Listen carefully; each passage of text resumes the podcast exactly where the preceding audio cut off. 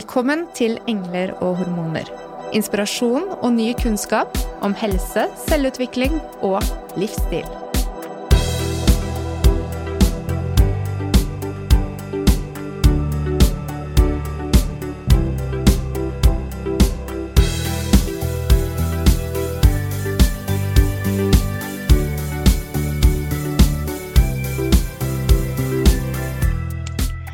Denne måneden løfter vi fram temaet endometriose og adenomyose. Lidelser som rammer ca. 10% av alle kvinner. I første episode ble vi kjent med kiropraktor Kristine og hennes reise fra smertefull endometriose og ufrivillig barnløshet til et balansert familieliv. Gjennom en god dose støtte fra helsevesenet samt mentale verktøy, restitusjon, ernæring, endrede treningsrutiner og sunne relasjoner. I denne episoden skal vi lære mer om den klinisk-medisinske delen, som går på selve tilstanden. Vi skal bli bedre kjent med anatomien, diagnostiseringsprosessen og hva som finnes per i dag av symptomlindrende behandling. Med oss er vi så heldige å ha med oss gynekolog og forsker ved Ullevål sykehus, Marianne Omtvedt, som har et brennende engasjement for kvinners helse og dagens tema spesielt. Hjertelig velkommen, Marianne. Tusen takk. Vi vil så gjerne bli bedre kjent med deg og hvordan denne lidenskapen for kvinnehelse vokste frem. Ja. Nei, jeg har vel siden jeg begynte å studere medisin, eh, egentlig visst at det var gynekologi jeg ville jobbe med. Har kanskje noe med at jeg har en mor som er eh, jordmor. Så alltid fått det litt eh, derfra. Syns det har vært veldig spennende. Og så studerte jeg i Oslo og jobbet på barselavdelingen på Rikshospitalet ved siden av studiet. Og da fikk jeg altså innblikk i fødselsbiten og oppfølgingen etterpå. Um, og så har det vel egentlig bare ballet på seg etter det. Jeg begynte på spesialiseringen i gynekologi rett etter turnus når jeg begynte i Tønsberg. Og da blei det med det. Og da blei du med det, rett og slett. Og så er det endometriose og kanskje den litt eh, mindre kjente adenomyosen da, som er blitt ditt forskningsfelt? Ja, det er jo noe som har kommet eh, etter hvert, den interessen eh, for det. Nå har jeg blitt legespesialist og akkurat gått ut i 100% forskning. Skal ta en doktorgrad hvor fokuset er på diagnostikk av adenomyose. Og så skal vi også se på livskvalitet før og etter fjerning av livmor eh, hos da kvinner med adenomyose, og sammenligne med andre godartede tilstander i livmor, som da eh, f.eks. muskelknuter, eh, og også pasienter med endometriose som sitter utenfor livmoren. Kanskje vi bare skal hoppe rett til liksom, ja, forskjellen på disse to, disse to tilstandene? Det kan vi. Eh, endometriose er eh, det folk flest har eh, hørt om. Det er en tilstand hvor vev som ligner på livmorslimhinnen, befinner seg i bukhulen, altså utenfor livmoren, og gir plager derfra. Mens ved adnomyose så sitter problemet i selve muskelveggen i livmor, eh, hvor da livmorslimhinnen har funnet veien til muskellaget hvor det da ikke skal sitte. Den livmorslimhinnen er egentlig helt jevn. Eh, jevn ligger jevnt rundt eh, inne i livmorhulen, da. Mm. Så hva er det som skjer da mer eh, Ja, hva er det som skjer da gjennom eh, syklus og gjennom en måned med disse tilstandene? Når det gjelder eh, endometriose, så er jo det en helt godarta eh, tilstand, eh, men den er østrogenavhengig. Sånn at når den da sitter, disse cellene sitter ute i bukhulen, f.eks. på bukhinnen eller på organer som eggstokker, eggledere, kan sitte på tarm eller blære, så når disse forandringene er aktive, så kan det blø litt fra de, og det blir irritert, og vevet rundt blir veldig irritert. Og skaper det vi kaller for en inflammasjonsprosess, da, som egentlig er en slags sånn betennelsestilstand, uten at det er snakk om noen infeksjon. Mm. Og når det da skjer i aktive perioder, så kan det også som konsekvens av det føre til aderanser og andre typer tilstander i vevet Mm. der det finnes, Ja. og med nabostrukturer. Det kan det. For det som skjer, er at når vevet rundt kan også bli irritert Disse organene ligger jo tett sammen i det vi kaller for lille bekken, og de skal på en måte gli rundt i forhold til hverandre. Tarmen skal være bevegelig, eh, livmor skal kunne bevege seg fritt, men holdes selvfølgelig fast av de båndene som den er festet til. Men når vi har denne inflammasjonstilstanden, eh, så kan det begynne å klabbe seg litt eh, til, at de klistrer seg eh, sammen. Og det igjen kan jo påvirke funksjon eh, til de ulike organene. Kan påvirke tarmbevegelse, kan også gi smerte ved vannlating. Eh, og hos noen kan også endret anatomi føre til at det blir vanskeligheter med å bli gravid da, når det har stått lenge. Mm. Så I litteraturen så kan vi også lese om dyp infiltrerende endometriose mot blære, mot uh, endetarm. Eh, Men uh, så har jeg også hørt at uh, dette vevet kan vandre helt opp til lungevevet. Så, Det er jo Ja, det kan det. Det vanligste er helt overfladiske eh, forandringer på bukhinnen eh, i større eller mindre grad. Og helt riktig som du sier, når det er snakk om dyp infiltrerende endometriose, da er det mer avansert. Det er ulike stadier. Jeg pleier ofte å dele opp i fire stadier. eh, Fra helt mild form til mer avansert, mer alvorlig. Og når, er, når vi er på stadium fire, da er vi over på den dyp infiltrerende endometriosen. Da ser vi gjerne det vi kaller for endometriosesyster eh, på eggstokkene. Og det kan også være påvirkning av eh, tarmveggen i større eller mindre grad, eh, som kan påvirke den. Og som du sier, så kan det også sitte på mer eh, unormale og mer sjeldne plasser, uten at det er dypt infiltrerende endometriose, men det er bare en spesiell plassering, da. Mm. Hvor er på en måte den rareste plasseringen eh, du har vært vitne til at du har funnet endometriosevev, eh, Marianne? Nei, jeg har, eh, jeg har lest om det. Jeg har ikke sett så veldig mange rare, men det kan jo? Det kan sitte på blindtarmen eh, og tarm spesielt. Det som kanskje er mer eh, eh, Ikke rar plassering, men kanskje heller mer hvordan det kan se ut i bekkenet. Eh, når man sammenligner helt normal anatomi, hvordan man tenker ut fra en lærebok at organene skal ligge, da, hvordan det pleier å se ut, hvordan det ser ut når det er normalt. Og så titter vi inn når det er avansert sykdom. Og da eh, det best beskrivende ordet for det er det vi kaller for frozen pelvis. At Mm. alt på en måte er lodda fast. Mm. Eh, da ser det ganske ofte veldig annerledes ut fra helt normal anatomi. Og da skjønner man også veldig godt hvorfor det her hos noen kan gi eh, veldig store plager. Men så handler det også litt om plasseringen i forhold til smerte. ikke sant? Fordi jeg husker din kollega Tina Tellem eh, forklarte i et foredrag at det kan være lite endometriose og gi mye smerte, og så kan det være ganske mye, men ikke gi så mye symptomer. Helt riktig. Det er ikke sånn at eh, det å ha mye symptomer gjenspeiler ikke alltid det vi finner når vi titter inn i magen med sånn kikkhullskirurgi og ser. Og så ser vi også noen ganger eh, når vi gjør operasjoner eksempel av andre ting, da, eh, så kan det være mye endometrose, men så har kanskje ikke pasienten eh, så mye plager. Og det er jo et viktig poeng, fordi at det, i og med at endometrose er en godarta tilstand, så skal vi behandle de pasientene som har plager. Det er det vi skal behandle. Eh, og endometrose er en, en kronisk tilstand. Det blir ikke borte, men vi kan i stor grad behandle symptomene fra det. Og det er det som er viktig. Mm.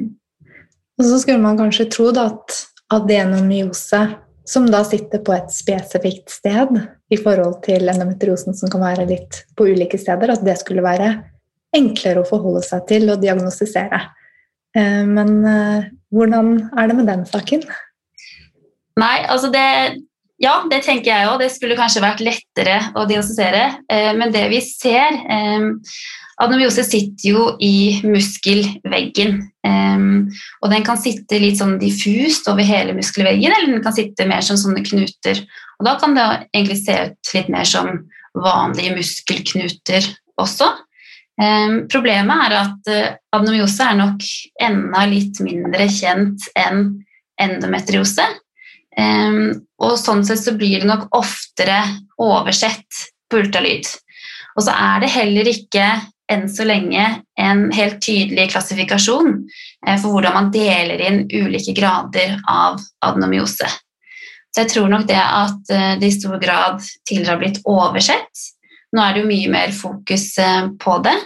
Den doktoraden jeg tar nå, der skal vi jo teste en modell som vi bruker når vi skal vurdere om vi tenker at det er adenomyose vi ser på ultralyd eller ikke.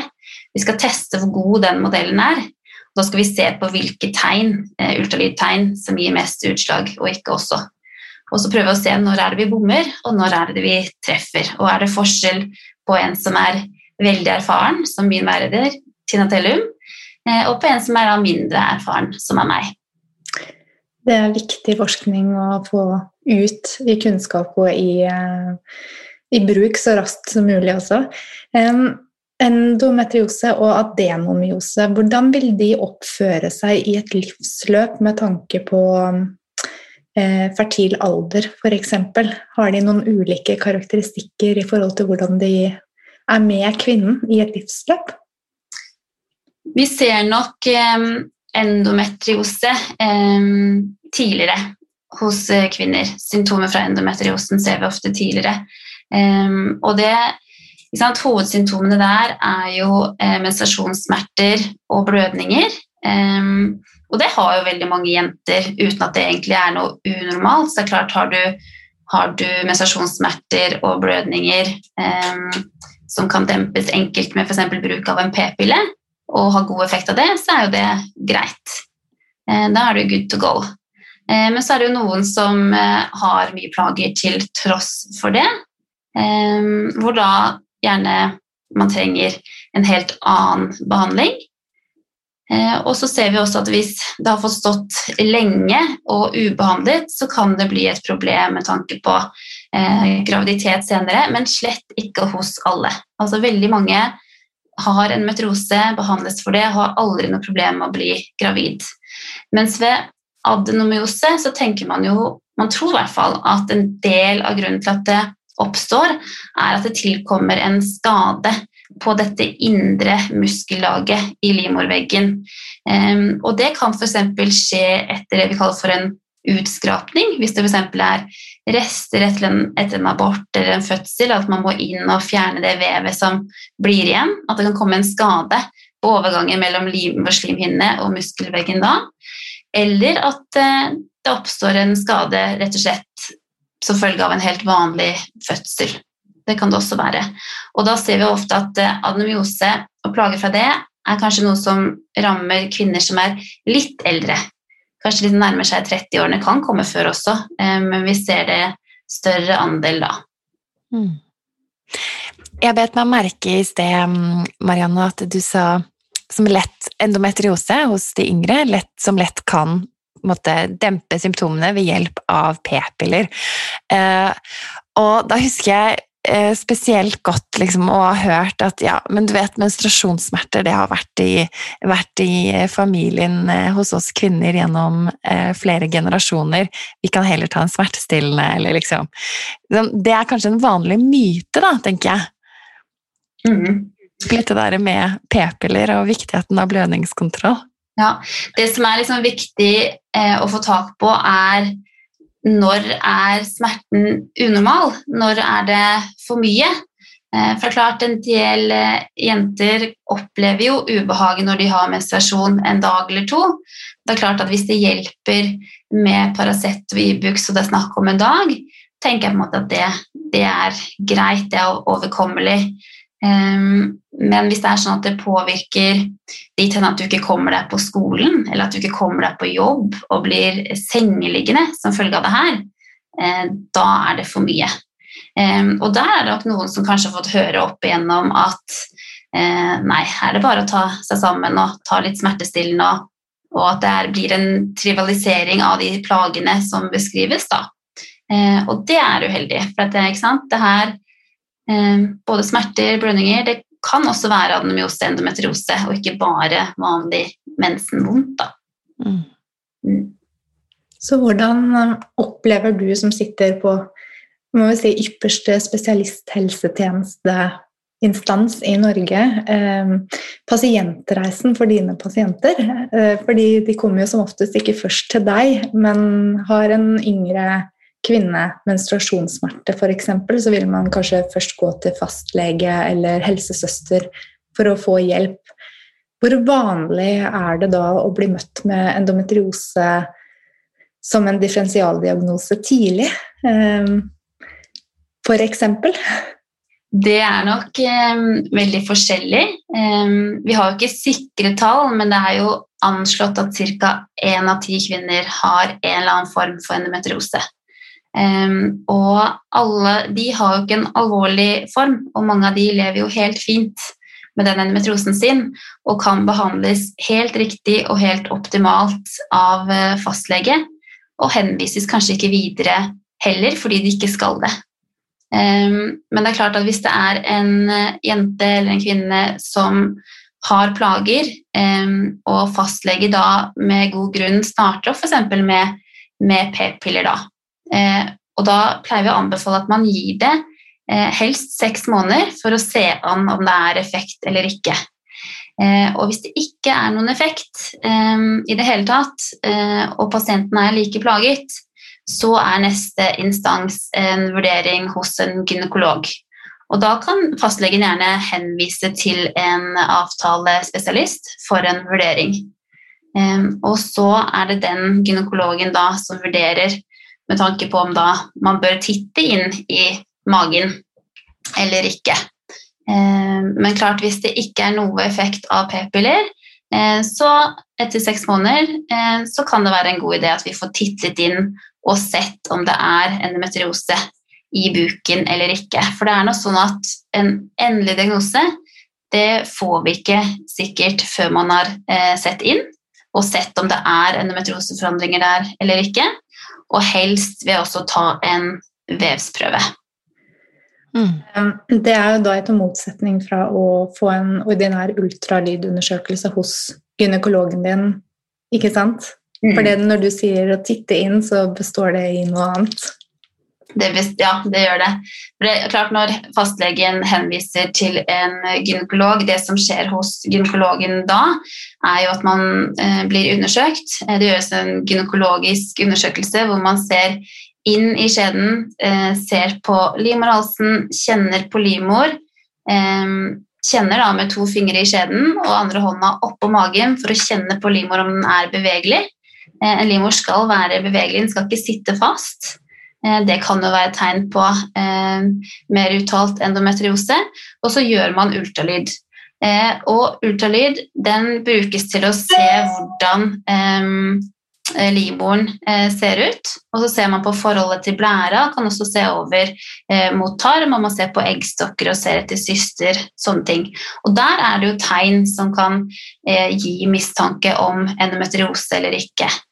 Men hvis det da f.eks. er snakk om helt overfladiske forandringer som kun sitter på eh, bukhinnen, det klarer vi ikke å se eh, på samme måte på ultralyd. Så da blir det mer samtalen med pasienten, eh, symptomene hun har hatt, over hvor lang tid, og hva hun er behandlet med, som avgjør om vi tenker at vi skal titte inn i magen da med, med kikkhullskirurgi. Har vi mulighet for å komme enda mer inn på det? Vi nevnte jo dette med blødninger og smertefulle menstruasjoner, men er det, er det noen flere symptomer som er vanlige med endometriose og adenomyose?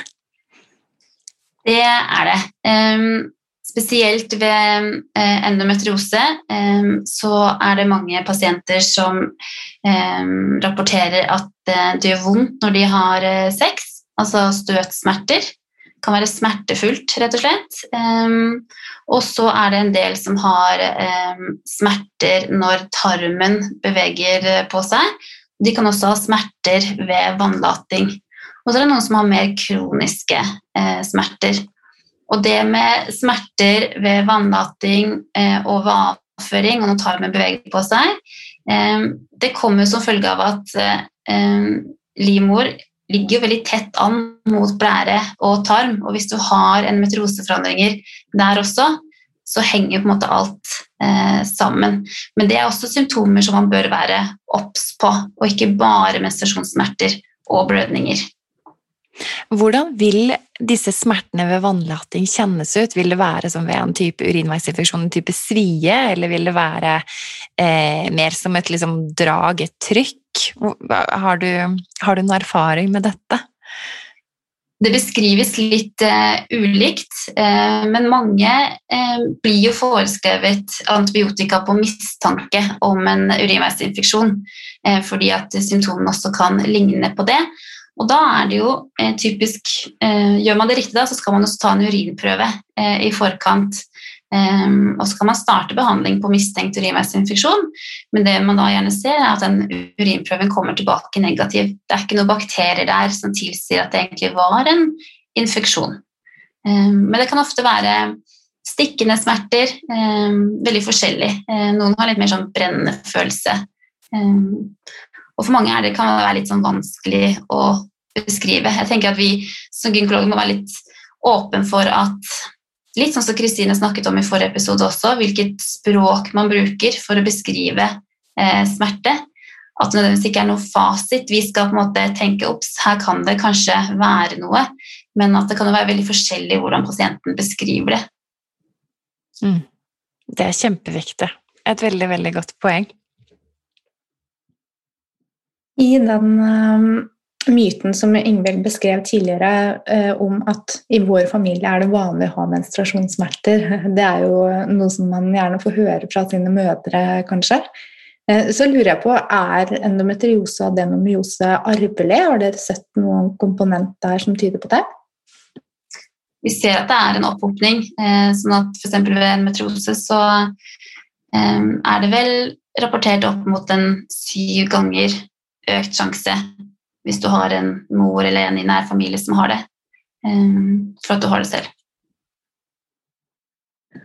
Og så er det jo dette med de plagene du beskriver fra blære, fra tarmsystemet. Det involverer jo også andre legespesialister enn gynekologer. Hvordan eh, er det tverrfaglige samarbeidet rundt disse pasientene? Altså finnes det noe arena for det, slik som det er i Norge i dag?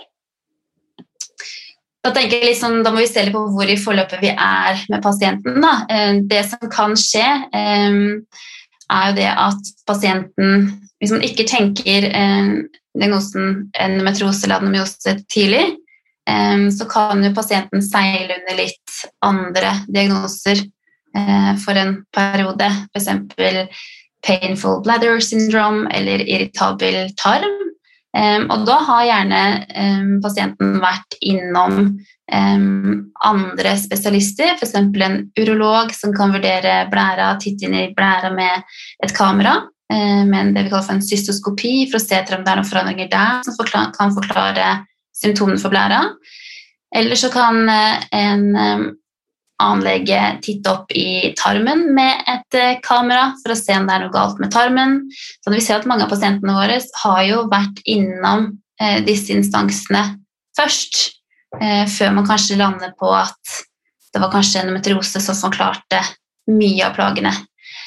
Og så har vi, når det er snakk om dette med den tverrfaglige tilnærmingen, da, det tenker jeg går mer på de pasientene som har litt mer avansert eh, sykdom, eh, hvor det har stått over lengre tid, hvor vi kan eh, operere og fjerne endometriosen. Eh, men så kan det måtte være andre ting som, gjør, som også trengs oppfølging i etterkant. Eh, F.eks. at man trenger å gå til en fysioterapeut. Eh, det er klart Man har veldig mye muskler i, i bekkenet. Og bekkenbunnsmuskulatur kan bli veldig stram, og det kan bli smertefullt, sånn som ved muskelknuter andre steder. Det er klart at Der eh, er det jo gunstig å jobbe tverrfaglig eh, både før og etter kirurgisk behandling av en pasient. Hva slags tanker gjorde du deg eh, da du lyttet til Kristines episode fra forrige uke? Hun, hun må jo ha vært et sånt, kall det et prakteksemplar? Ja, det syns jeg. Jeg syns det var en veldig fin eh, episode. og godt gjort av henne å eh, dele den, tenker jeg, eh, og veldig nyttig eh, både for andre pasienter og ikke minst for andre som kanskje ikke har hørt om dette før, og også for oss som helsepersonell å høre en pasienthistorie som det. Det jeg syns var spesielt fint, var jo det at hun fikk såpass rask hjelp og at hun hadde så god effekt av den behandlingen som hun fikk ved at hun da ble gravid og fikk et barn, og sånn som hun sa at hun er lite plaget nå. Og ikke minst det her med hvordan hun selv hadde tatt tak i uh, hva kan man gjøre selv da, for best mulig behandling. Eh, tenker på det her med fysisk aktivitet og kosthold og sånne ting. Hvor man rett og slett, som hun sier, at man må prøve seg litt frem. Det er ikke gitt at det er noen fasit, men at man må, må prøve seg litt frem. Og så hjelper det også, det tror jeg Kristine har, at hun har en iboende positiv innstilling og litt eh, stå-på-vilje. Og det er klart, det kommer man også veldig langt med. Mm. Men man er jo avhengig av sånn som Kristine, som da er fagperson i bunnen. ikke sant? Hun har en, en lang erfaring som kiropraktor og møtt eh, mange med ulike smertetilstander. Så tenker jeg at det er jo et veldig veldig godt utgangspunkt for nettopp det du sier. Men for de aller færreste så er jo det utgangspunktet man har, om og man stiller litt sånn på bar bakke hva gjelder informasjon. Um, hva er dine tanker liksom, rundt akkurat det? Burde vi fått til noe, noe mer her hjemme? Ja, det syns jeg. Um, absolutt. Jeg tenker det er viktig at um, folk generelt uh, lærer seg mer om adenomyose og endometriose. At dette, rett og slett at er, disse to tilstandene finnes, uh, og hvilke symptomer de kan gi. Og ikke minst at da førstelinjetjenesten, som da typisk blir helsesykepleier eller fastlege, at de vet nok om dette til å fange det opp og kan skille mellom hva er vanlige menstruasjonssmerter eh, og hva er for mye, og når skal pasienten videre i systemet. Eh, det tenker jeg er viktig, eh, for der tror jeg det går litt tid. Og så nå tenk, tror jeg nok de fleste gynekologer eh, skal i hvert fall vite om disse eh, tilstandene. Det har blitt betydelig mer fokus på det. Um, og at man, hvis man er usikker selv, at man da eventuelt henviser videre for en second opinion. Hvis det blir nødvendig. Det er, eh, det er, jo viktig at fagpersoner tar det ansvaret eh, når man kommer til kort med egen behandlingsplan.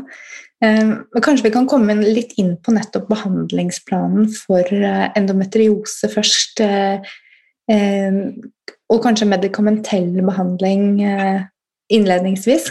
Det er det mest mm. vanlige for de fleste pasienter å møte først.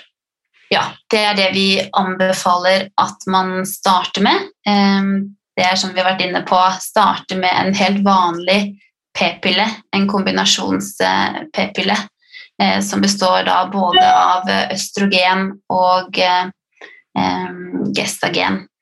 Eh, hele poenget med hormonell behandling er jo å unngå blødning. Det å oppnå det vi kaller for amenoré, at man ikke har menstruasjonsblødning. Det er det vi ønsker å oppnå. Så da kan man gjerne bruke denne p-pillen kontinuerlig. Det mange gjør, det er med et brett med gjerne 21 piller, og så kan det være syv sånne sukkerpiller som ikke har noen effekt. Og den uka hvor man da ikke tar aktive piller, så får man da en menstruasjonslignende blødning. Og da kan man hoppe over den pillefrie uka og kjøre rett på et nytt brett. Så man tar disse p-pillene kontinuerlig. Um, så det er det vi pleier å starte med. Eller så kan man også bruke rene gestagenpreparater, eh, som f.eks. en hormonspiral og det er en, en T-formet liten plastdings som vi setter opp i Eller gynekologen eller fastlegen kan sette opp i livmorhulen. Fordelen med den er at den uh, virker lokalt i livmoren. Um, og så kan den sitte uh, i lang tid, opp mot uh, fem år for en sånn vanlig Mirena hormonspiral. Og det er veldig praktisk. Dette er jo jenter som kanskje ikke har barneønske sånn i nærmeste fremtid nødvendigvis. Og da kan den eh, spiralen sitte i fem år, så kan man bytte den ved behov. Eller hvis man da ønsker å bli gravid, så kan man ta den ut igjen eh, og gi den noen uker, og så får man syklusen sin tilbake. Hvordan vil et kombinasjonspreparat med østrogen og gestagen kontra en spiral med kun gestagen påvirke vevet? Hvordan det påvirker vevet. Ja, og da tenker jeg på endometriosevevet. Ja, hele poenget er jo da å um, Altså, endometriose er jo østrogenavhengig. Eh, sånn at vi prøver egentlig bare å eh, påvirke menstruasjonssyklusene og hormonene, sånn at ikke østrogenet får uh, herje sånn som det gjør ved en vanlig syklus.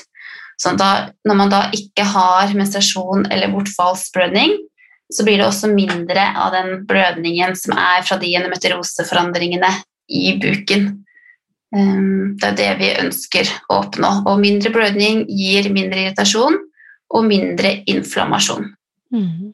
Men er det da noen grunn til at man velger å starte som regel med en p-pille fremfor langtidsvirkende prevensjon? Det er jo gjerne lettere eh, å starte med en helt vanlig p-pille eh, først. Um, og ofte så behandler man jo både endometriosen og bruker det i prevensjonsøyemed. At man slår to fluer i én smekk.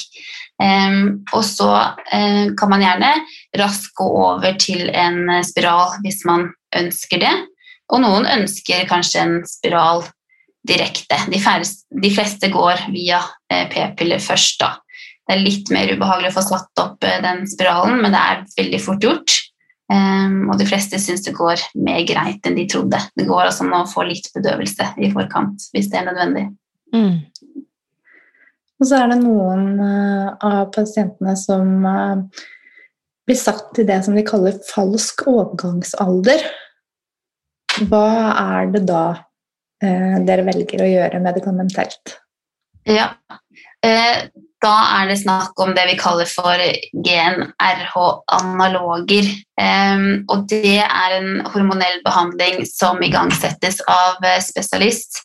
Sånn at da har på en måte pasienten um, vært uh, via sin fastlege, vært i vurdering hos gynekolog. Har også da gjerne vært gjennom en kikhullsoperasjon og fått bekreftet endometriose. Og så er det jo sånn at Når man behandler pasienten, når vi titter inn for å se etter endometriose, ser vi det, så må vi også behandle det kirurgisk ved å fjerne det. Eh, men så er spørsmålet etterpå. Endometriose kan jo komme tilbake. Eh, og da er det om å gjøre å gi medisiner som demper også symptomene i etterkant. Um, og når vi bruker GNRH-analoger, det står egentlig for gonadotropinfrigjørende hormon. Um, og det er egentlig et hormon som produseres eh, via hypotalamus i hjernen, eh, som igjen virker på hypofysen, eh, som stimulerer hormoner som igjen stimulerer hormonene som eggstokkene produserer. Men det de gjør, da, er at de stimulerer det på en sånn måte at østrogenproduksjonen blir helt minimal, eller at den stopper helt opp. Det er i hvert fall poenget.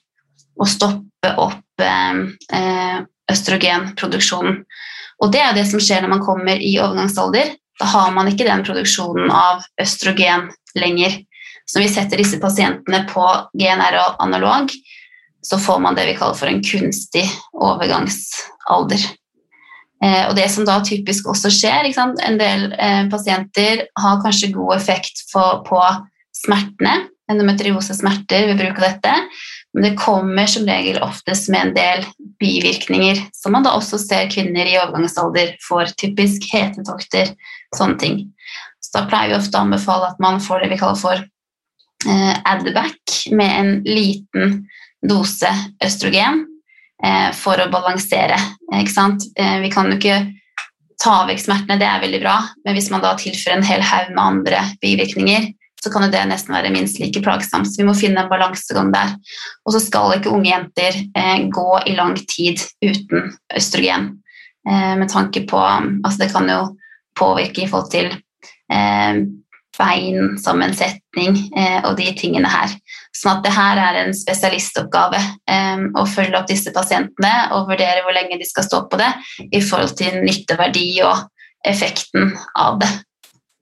Så det vil da være eventuelt litt senere i et for forløp, som du sa, og etter en uh, operasjon, da. Ja, det er, ikke noe, det er ikke noe vi starter med med en gang, nei. Så hvor lenge kan en pasient typisk uh, stå på denne type behandling, Marianne, hvis tanken er senere f.eks. å kunne få barn? Det er litt Eh, individuelt, og de skal følges eh, regelmessig med kontroller. Ehm, og vi pleier også å anbefale at man kan forsøke det for en periode, og så gå heller over til andre eh, hormonelle alternativer. Um, og så eventuelt gå tilbake til det ved behov. For det er klart Med disse medisinene her så oppnår man jo ingen graviditet. For å oppnå graviditet så må man jo stoppe med, med alt av hormonell eh, behandling. Og da ser vi jo ofte det eh, bet jeg merke i med det Kristine fortalte også, at hun, hun sa vel at når hun stoppet på p-piller, så ble symptomene også mye verre. Det var da det på en måte blomstret opp. Så det kan jo være at hun har nok hatt sin endometriose lenger, men at det kanskje har vært eh, i sjakk da, med p-piller som hun har brukt tidligere. Nettopp. Så, som en behandling man ikke visste om, kan man si. Rett og slett. Og det, sånn er det jo, ikke sant. For det er, um, og det tenker jeg det er viktig å gjenta, det her med at mange kvinner som har endometriose, har det i en mild form. Uh, og så lenge de får um, vanlige p-piller og bruker det regelmessig, eventuelt kontinuerlig, så blir det ikke noe mer ut av det. Og de kan uh, få barn også helt uten problem. Eh, og at det kanskje aldri blir behov for å titte inn i magen med kikkhullskirurgi fordi at de er såpass godt symptomlindret med den behandlingen der. og der, Da holder det for mange. Men så er det de andre da, som trenger mer, eh, hvor man må gripe inn og bidra med ekstra behandling. Mm. Da tenker jeg det er naturlig å hoppe rett inn i dette smørøyet kikkhullskirurgi, for nå har det vært oppe flere ganger, men vi vil gjerne høre litt mer Marianne, om hva dere gjør Eh, når pasienten kommer til dere og det er bestemt å gjøre en kikkhullskirurgi? Ja, da er det også eh, litt forskjellig. Eh, vi kan ta først en pasient som da har vært gjennom hormonbehandling med p-piller, og det ikke har fungert sånn som man har ønsket, da, og man lurer på om hun har endometriose, og har da vært hos en gynekolog som har gjort en vurdering, og kanskje ikke ultralydmessig funnet noen eh, sterke tegn til endometriose, i hvert fall ikke som man kan se på ultralyd, da, da er anbefalingen at vi gjør det vi kaller for en diagnostisk skopi. Dvs. Si at vi titter inn for å se eh, og for å få satt en diagnose. Um, og det er jo kanskje pasienter hvor vi ikke nødvendigvis forventer å finne så store forandringer. Uh, det som er fint med kikkhull, altså det gjøres jo da uh, som et dagkirurgisk inngrep. Dvs. Si at man blir lagt inn på morgenen og reiser hjem samme dag. Uh, og så får man narkose, så man sover jo gjennom hele inngrepet. Og så går vi inn via et lite snitt i navlen, og der setter vi inn et kamera, og så bruker vi i hvert fall to små åpninger til, eventuelt tre, for å kunne bruke Vi har to kirurger, bruker to instrumenter hver, så fire tilganger da er det vanligste. Og så titter vi inn eh, i magen, blåser opp magen med luft, og da får vi stort spillerom eh, og god oversikt. Og så ser vi over hele eh, buken. Og da ser vi på eh, bukhinnen som kler veggen, og så ser vi på livmor, vi ser på begge eggledere, vi ser på eggstokker, vi ser over blæra, og vi ser på tarm. Vi ser på blindtarm. Vi ser egentlig rundt overalt hvor vi kan. Vi titter over eh, hele. Og så er det sånn at hvis vi ser endometrioseforandringer, og de kan se veldig ulike ut De kan være helt overfladiske, de kan være millimeter store forandringer. Um, og klart Finner vi det, uh, så er det om å gjøre å prøve å få tatt en, det vi kaller for en vevsprøve. At vi fjerner en liten bit av den uh, bukhinnen. Og det kan enkelt fjernes, og så sender vi inn det til sånn vevsundersøkelse for å få bekreftet diagnosen. Eh, og så avhenger det av hva vi gjør videre, kommer litt an på hvor det sitter, eh, og hvor utbredt det er.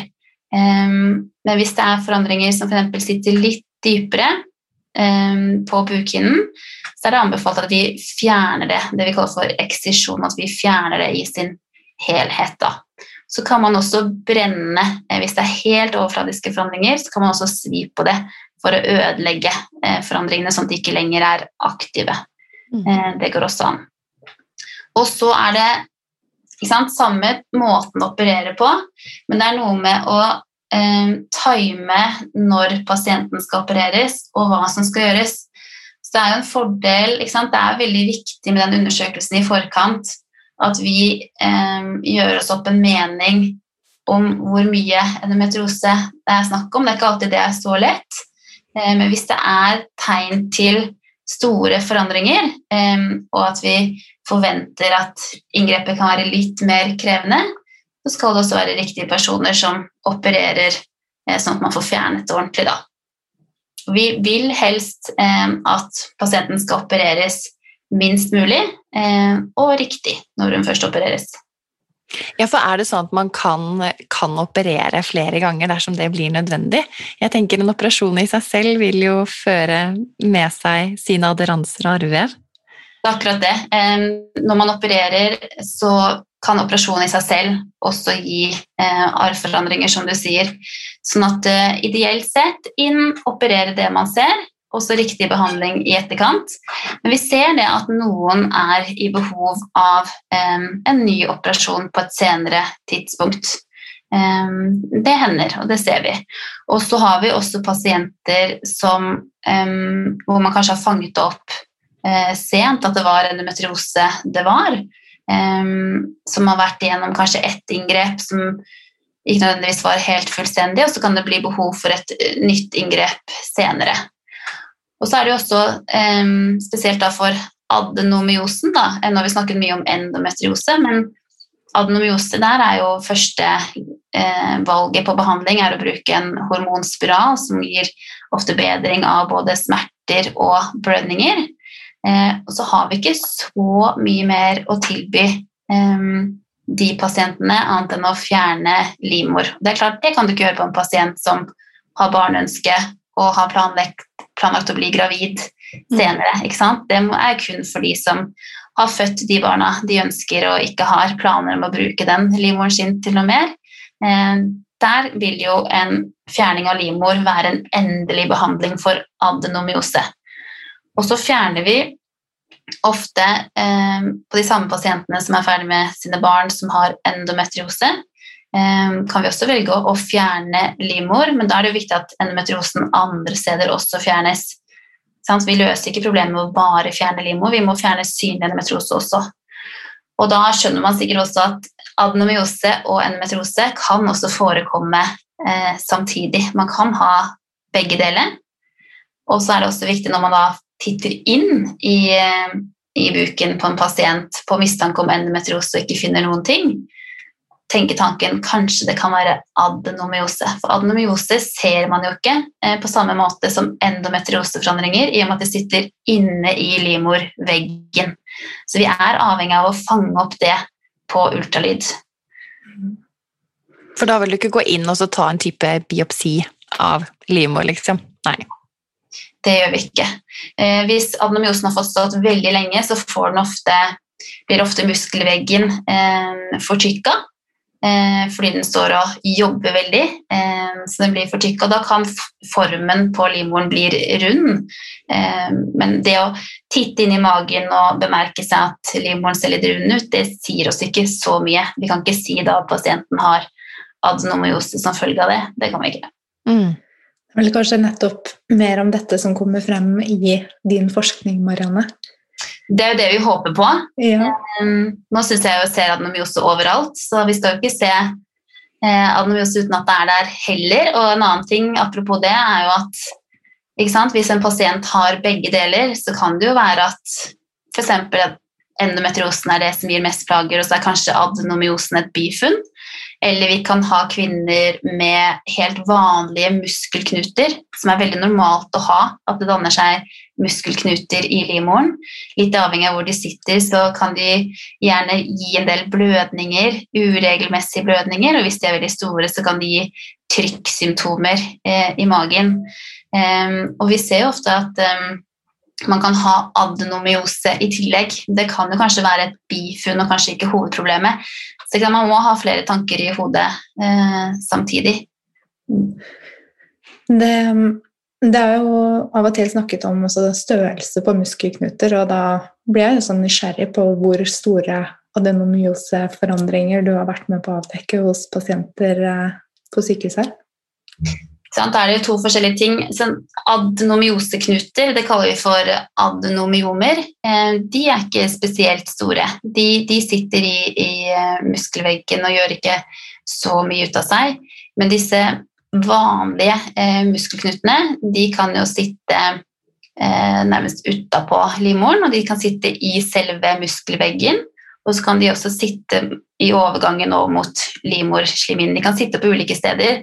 Eh, og de kan bli kjempestore. Da kan noen se ut som de er eh, gravide, nesten. Eh, og man kan ha flere samtidig. Mm. Så det, det ser, vi, ser, vi, ofte. Mm. Kan vi komme litt nærmere inn på dette hysterektomi, det å fjerne livmoren? Vi vil gjerne vite litt mer om akkurat hva dere gjør, og tar dere alt ut osv., slik som mange sikkert lurer på. Ja. Det vi gjør eh, når vi fjerner livmor, eh, det gjør vi som regel også Det vanligste nå er også å gjøre det med kikkhullskirurgi. Eh, og da eh, løsner man eh, livmoren fra de båndene som den er festet til. Eh, og hvis det er snakk om en kvinne som ikke er kommet i overgangsalder, som det da som oftest er, så lar vi eggstokkene stå igjen. Det er jo de som produserer hormoner. Eh, og vi har ikke lyst til å sende pasienten i overgangsalder, så de kan vi la bli stående. Og så fjerner vi da eh, livmor, men vi tar gjerne med egglederne. De har man heller ikke bruk for når livmoren er borte. Um, og så er det vanligste å ta med eh, livmorhalsen. Um, og da lukker man igjen det man kaller for um, skjedetoppen den syr man sammen, den syr man med via kikkull fra innsiden. Og lukker den eh, vaginaltoppen, som vi kaller det, eller skjedetoppen. Um, og da, før den lukkes, så fjerner man da livmor med eggledere ut via skjeden, og så lukker man igjen. Og så er det noen noen ønsker f.eks. å la eh, livmorhalsen stå. Eh, det kan jo være ulike preferanser Eh, der, eh, og da kan vi la den stå. Eh, men den generelle anbefalingen er gjerne å ta det med. Ta livmorhalsen sammen med livmor, spesielt hvis det er endometriose og smerter som er årsaken, og spesielt hvis det er støtsmerter. Mm. Så vet vi at det kan bli en del bedre hvis man får med livmorhalsen også. Det kan jo også sitte endometriose i selve livmorhalsen. Så det er i hvert fall det vanligste i Norge. Mm. Så det kan da fortsette å gi blødninger selv etter at man har fjernet livmor, dersom man har livmorhalsen igjen, da? Hvis det fortsatt er endometriosevev i livmorhalsen? Ja, det kan jo i teorien det. Det er jo ikke vanlig å ha eh, blødninger eh, når livmor er eh, fjernet. Det er det ikke. Men det er klart at hvis det skulle sitte endometrioseforandringer der, så vil jo de kunne fortsette å påvirkes av østrogen eh, som produseres fortsatt av eggstokkene, selv om livmoren mm. er, borte. Så ja. Det er jo et ganske sånn vanvittig, vanvittige båndstrukturer som, eh, som, er knyttet til, til livmoren. Bare sånn litt sånn kanskje et nerdespørsmål, men hvordan er det Eh, det vil se ut, liksom, når man har fjernet livmor og disse båndstrukturene, for da er jo de igjen. Ja. De eh, legger seg egentlig pent opp mot uh, bukveggen, der de også har festet uh, til. Mm. Det ser veldig, ser veldig, greit ut etterpå. Det gjør det. Det faller på en måte fint på plass. Og så uh, vet flere pasienter sier at de er liksom redd for at det skal bli et sånn slags tomrom der, eller at man liksom skal merke at livmoren er borte, men den, den, plassen fylles jo bare ut av, av tarm og blæra og ja. Mm. Du sa i stad om at det er tross alt et veldig lite område som, eh, hvor det er mange strukturer som eh, har plass. Mm. Og det er jo en, en, vanlig livmor er jo ikke spesielt eh, stor. Eh, den er jo noen centimeter tre-fire-fem centimeter kanskje i lengde. Mm. Ja. Og så kan den selvfølgelig bli betydelig større ved muskelknuter, og ja, de kan bli kjempestore. Mm. Er det et, eh, et spesielt forløp um, etter man har fjernet eh, livmor, med tanke på aderanser osv.? Eh, tenker du da på behov for ny kirurgi, eller hva som gjøres etterpå? Ja, eller oppfølging med dilatorsett f.eks. Er det vanlig at man blir henvist til en fysioterapeut eller annen med kompetanse innen kvinnehelse som kan følge opp på den biten? Eh, hvis det er endometriose som er um, hovedårsaken, og man har valgt å fjerne livmor i, tillegg, uh, så tenker jeg litt sånn avhengig av hvordan symptomer og forløp har vært for pasienten, men jeg tenker det er alltid gunstig å få input fra en fysioterapeut eh, når man på en måte har kommet så langt at man også vurderer eh, kirurgi. hvis det her er plager som gjør at du må ty til kirurgi, eh, og også fjerning av livmor, så har det ofte gjerne stått en stund, eh, som gjør at måte, kroppen kan kompensere litt. Og det fort kan bli stramninger i denne bekkenbunnsmuskulaturen, som igjen også kan gi eh, plager. Eh, og der kan man jo få god hjelp av en fysioterapeut i etterkant til å få kartlagt dette, og også få hjelp til eh, øvelser. Mm. Eh, og det tenker jeg er også et viktig poeng, det her med at hvis dette er plager som har stått over litt tid, så um, er det ikke alltid noe det er som regel aldri noe quick fix um, å bli operert heller. Altså, vi har jo noen pasienter, jeg tenker spesielt de som har ren adenomyose. Um, ser vi jo at blir betydelig bedre kort tid etterpå. Eh, men det er jo noen som har hatt smerter over såpass lang tid at det vil jo ta litt tid eh, for kroppen også å hente seg inn igjen. At der må man også være litt tålmodig. Eh, uten at det betyr at operasjonen har gått feil eller at det er mislykket på noe vis, men at det er litt med hvilken forventning man går inn i det med. Og der også tenker jeg vi har en viktig jobb å informere um, om hva pasienten kan forvente seg og ikke forvente seg mm. uh, i etterkant av en sånn operasjon. Da. Ja, det er kjempeviktig. Mm. Uh, hvor god tid føler du at du har til, til pasientene, til samtale osv.? Ja, det er jo et godt spørsmål. Um, vi skal jo vi skal eh, snakke med dem, og de skal få fortalt hvordan de har opplevd det, hvilke symptomer de eh, har. Um, tenker Vi som jobber mye med dette, vil jo fange opp ganske fort om vi tenker at dette er endometriose eller ikke. Eller så er de henvist og de har kanskje en sikker diagnose, så er det mer planlegging av videre behandling.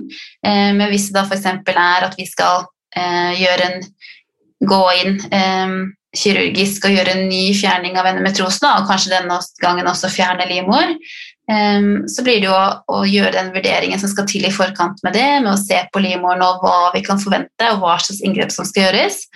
Og så må vi også ta stilling til om det er behov f.eks. For, for en MR-undersøkelse, altså bildediagnostikk, for å kartlegge ytterligere, spesielt hvis det er avansert sykdom, da, langkommen eh, så kan en MR-undersøkelse hjelpe oss eh, i forkant av operasjonen. Noen ganger så må vi også eh, samarbeide med eh, gastrokirurger som jobber med tarm, som er eksperter på det. Eh, at vi får hjelp av de hvis det er sånn at vi må operere på deler av tarmen. Så Det er sånne ting som vi må få kartlagt eh, når pasienten er hos oss. Eh, og også for å kunne planlegge inngrepet. Og så skal du igjen, da, etter å ha tenkt dette inni deg, så skal du formidle dette til pasienten. For til syvende og sist så er det sant, Vi kan komme med vår eh, anbefaling, men så er det jo pasienten som på en måte må ta en beslutning på om dette er noe de ønsker. Og det må være et informert samtykke til å eh, ville eh, gjennomføre dette inngrepet. Da. Jeg tenker Det er viktig at de vet hva de går til, og at de har fått god informasjon. Så klart, alt dette tar jo litt eh, tid, men eh, ja. Det var stort sett veldig, veldig greit. Og så hender det jo at vi da, f.eks. hvis vi henviser til en MR, at vi tar en telefonsamtale i etterkant for en gjennomgang og oppsummerer når vi har alle prøvesvar og sånne ting. Så det, det pleier å gå ganske fint. Vi stort sett vært igjennom det meste når det gjelder diagnostikk og behandling nå, Marianne? I forhold til både endometriose og adenomyose, eller er det noe du har lyst til å legge til? Nei, jeg tenker Vi har vært igjennom eh, mye. og det tenker jeg Vi snakker jo om pasienter på veldig ulike eh, stadier av den skalaen av endometriose. Vi snakker liksom litt om de milde formene og så over på det mer avanserte. Eh, så mange pasienter er også midt mellom der. Jeg tenker Det er viktig å bare ha klart for seg at en metrose er liksom et bredt spekter av symptomer og plager. Mm. Jeg tenker at man skal ikke bli, eh, Hvis det blir snakk om en metrose, at det er det man har, så tenker jeg at man skal for først ikke bli eh, veldig redd eller bekymra. Eh, fordi at det først og fremst er en godarta eh, tilstand eh, som det er gode behandlingsmuligheter for. I hvert fall for å dempe symptomer, sånn at man kan leve helt fint med det. Eh, men så er det på en måte viktig å fange opp de som trenger mer oppfølging eh, og mer eh, avansert behandling. Eh, og så vet jeg også at mange pasienter, i hvert fall nå når det er mer fokus på det, så er det mange som har hørt at, de, eh, at det henger sammen med at man ikke kan bli gravid. Og det trenger ikke nødvendigvis å bety. Noen blir gravide helt uten problemer, mens andre trenger hjelp. Um, og da er det også litt viktig at hvis man har en endometriose-diagnose, um, så hvis man kommer dit at man ønsker å bli gravid og prøve på det, så pleier man jo Den generelle anbefalingen er å gi det et år. At det er helt normalt at det kan ta opp mot et år før man oppnår graviditet. Men hos de med kjent endometriose, og i hvert fall de med litt mer uttalte forandringer, eh, så lar vi kanskje ikke det gå et helt år da, før vi begynner å sette i gang tiltak for å få hjelp da, med IVF og de tingene der. Mm. Hvordan eh, skulle fremtiden helst se ut for deg og ditt fagfelt, da, Marianne? Hva er det du kunne ønske deg for disse pasientene i Norge fremover i tid? Eh, kunne ønske at eh, det blir enda mer fokus på det. Nå er det mars og Endometriosis Awareness Month, og det er kjempebra, men vi trenger fokus gjennom hele året, og ikke bare i eh, mars. Jeg tenker at um, folk generelt vet mer om tilstanden, både jentene som har det, men også Vi har jo eh, kjærester og venner, familie, eh, folk rundt eh, som også har nytte av å kunne om dette, så alle har nytte av å kunne litt om dette. Eh, og også at vi eh, vi har jo et behandlingsforløp eh, med anbefalinger og en nasjonal veileder eh, på hvordan vi behandler disse pasientene. Eh, men vi ser at når det gjelder de, mer, de som har mer avansert sykdom, hvor vi begynner å måtte jobbe mer tverrfaglig med fysioterapeuter, f.eks. smerteleger, sexolog, de tingene her, så hadde det vært gunstig å ha dette samlet på et sted, eller i hvert fall på samme sykehus, sånn at ikke pasienten selv må huke tak i en fysioterapeut, at vi kan komme med en anbefaling og, og sende dem inn i et opplegg. Da. Det er jo det vi ønsker. Um, så vi tenker at det er best behandling for pasienten. For det er ikke til å legge skjul på at det her er en uh, sykdom for de som er hardt ramma.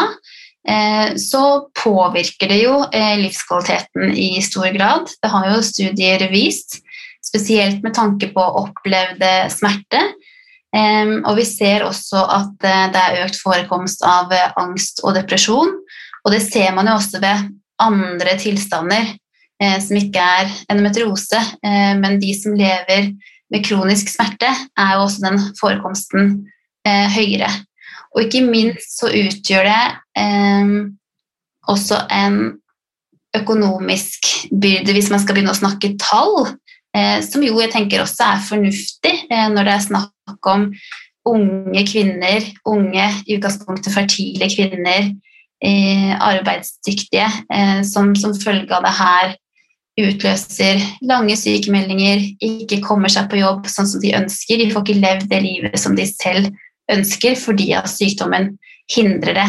Der også er det gjort studier på, på hva det koster for både pasienten og samfunnet, hvor man mener at hadde vi kommet eh, tidligere med en diagnose eh, og mer helhetlig behandling fra start, så kunne vi spart pasienten og samfunnet for mye da. Mm. Mm.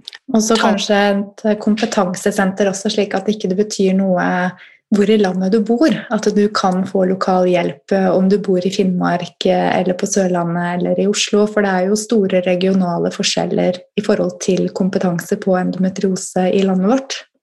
Ja, eh, det er det. Og jeg tenker et sånt kompetansesenter, endometriosesenter, kan jo motsatt vei også være veldig nyttig med å få kunnskapen tilbake igjen mm. til fastlegene og gynekologen også. At man kan samle forskning, og ikke minst i, i hvert fall de mest avanserte inngrepene. Nå, sånn som det jobbes nå, så er det jo gode samarbeid på flere eh, sykehus eh, rundt om i, i, landet som allerede jobber delvis tverrfaglig uten at det er organisert i et endometriosesenter. Um, og så er det jo flere av pasientene som også henvises videre til Ullevål hvis man trenger en second opinion og blir mer avansert. Da. Men sånn som i Sverige og Danmark og andre land, så er det jo opprettet egne endometriosesentre eh, som står for hvert fall den mer avanserte kirurgien. Da. Og det er jo for å øke kompetansen eh, på ett sted, eh, og igjen for best mulig behandling. Eh, når det er sagt, så gjøres det det gjøres mye bra eh, på mange sykehus rundt om i landet. Jeg tenker Det er også viktig å få frem.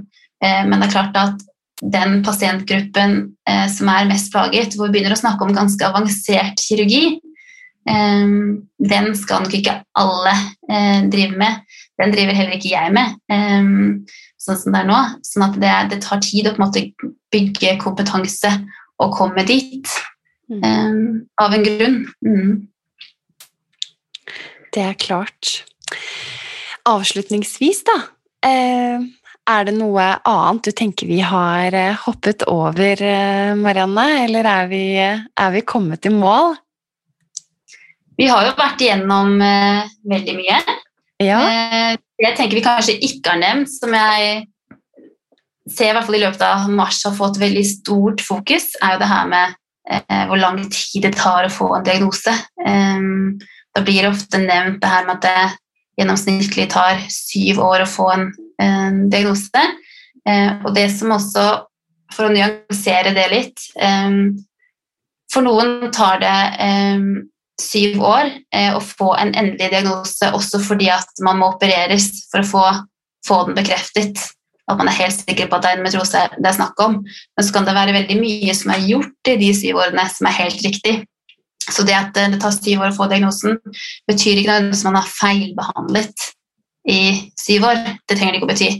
Men ja, det fins tilfeller hvor pasienten har beskrevet symptomer, men hvor det ikke er fanget opp, og hvor man i ettertid ser at ja, det har vært snakk om en metrose hele veien, og hvor de føler at de må kjempe for å bli hørt og bli møtt. Og sånn skal det absolutt ikke være, eh, tenker jeg. Og det er også litt sånn som Kristine nevnte i forrige episode, eh, hvis man sitter med en pasient og man blir presentert for en del symptomer som man ikke helt klarer å si eh, hva er, og være ærlig på at dette er jeg ikke helt sikker på eh, hva er, men vi skal jobbe for å finne en, en løsning på det. Og hvis man da også i tillegg tenker at det kan være endometriose, be om en second opinion og få en vurdering av en annen for å få litt hjelp. Kjempeviktig poeng. Vi er supertakknemlige, Marianne, for at du tok deg tiden eh, til å komme i studio, vårt virtuelle studio, for å dele av din kunnskap. Og du har jo delt av din eh, kunnskap eh, på veldig mange ulike arenaer, og spesielt nå i mars. 17. mars så var det jo og holdt et foredrag for FNs kvinnekommisjonsmøte, som jo er veldig stort. Gratulerer. Takk tror det var 16. mars, men det spiller jo ingen rolle. oh, ja, ja. Der ser du. Og så har du også spilt inn et eh, foredrag om nettopp dette temaet her i, sammen med Sanitetskvinnene.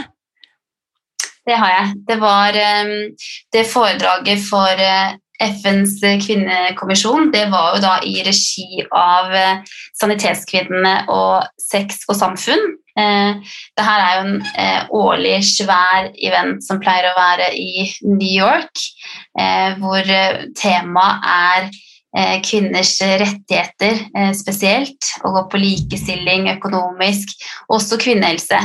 Og der har sanitetskvinnene ofte hatt et innlegg, for det foregår da en parallell event for da ikke-statlige eh, frivillige organisasjoner, som da f.eks. Sanitetskvinnene. Og de har da pleid å ha et eh, innlegg om vold mot kvinner, mens i år var da tema om, om vulvodyni, eh, som da er smerter i underlivet, eh, og adenomyose og endometriose. Så der fikk jeg holdt et eh, foredrag som jeg håper nådde ut eh, til mange. Som jeg tror gikk bra. Og det er vel planen at det skal legges ut på Facebook-sidene til Sanitetskvinnene ved en senere anledning. Det blir i hvert fall sagt det. Så da, hvis man vil høre mer, så kan man jo høre på det foredraget eller det opptaket også. Enda en god grunn til å følge Sanitetskvinnene, med andre ord. Absolutt. De gjør eh, veldig mye eh, for eh, kvinnehelse, og ikke minst eh, når det gjelder eh, satsing på forskning. Eh, og da tenker jeg også om å trekke frem Endometrioseforeningen, som også jobber veldig for å få økt kunnskap om både adenomyose og endometriose. Som også er en veldig fin forening, og de har akkurat oppdatert nettsidene sine.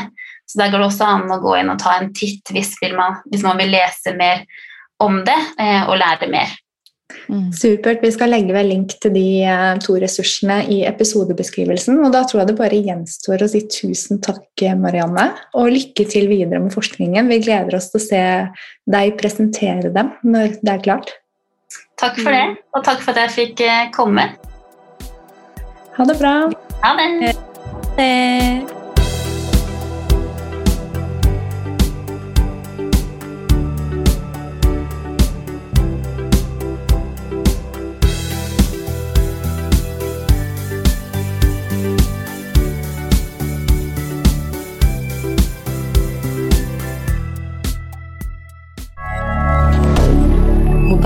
Canada.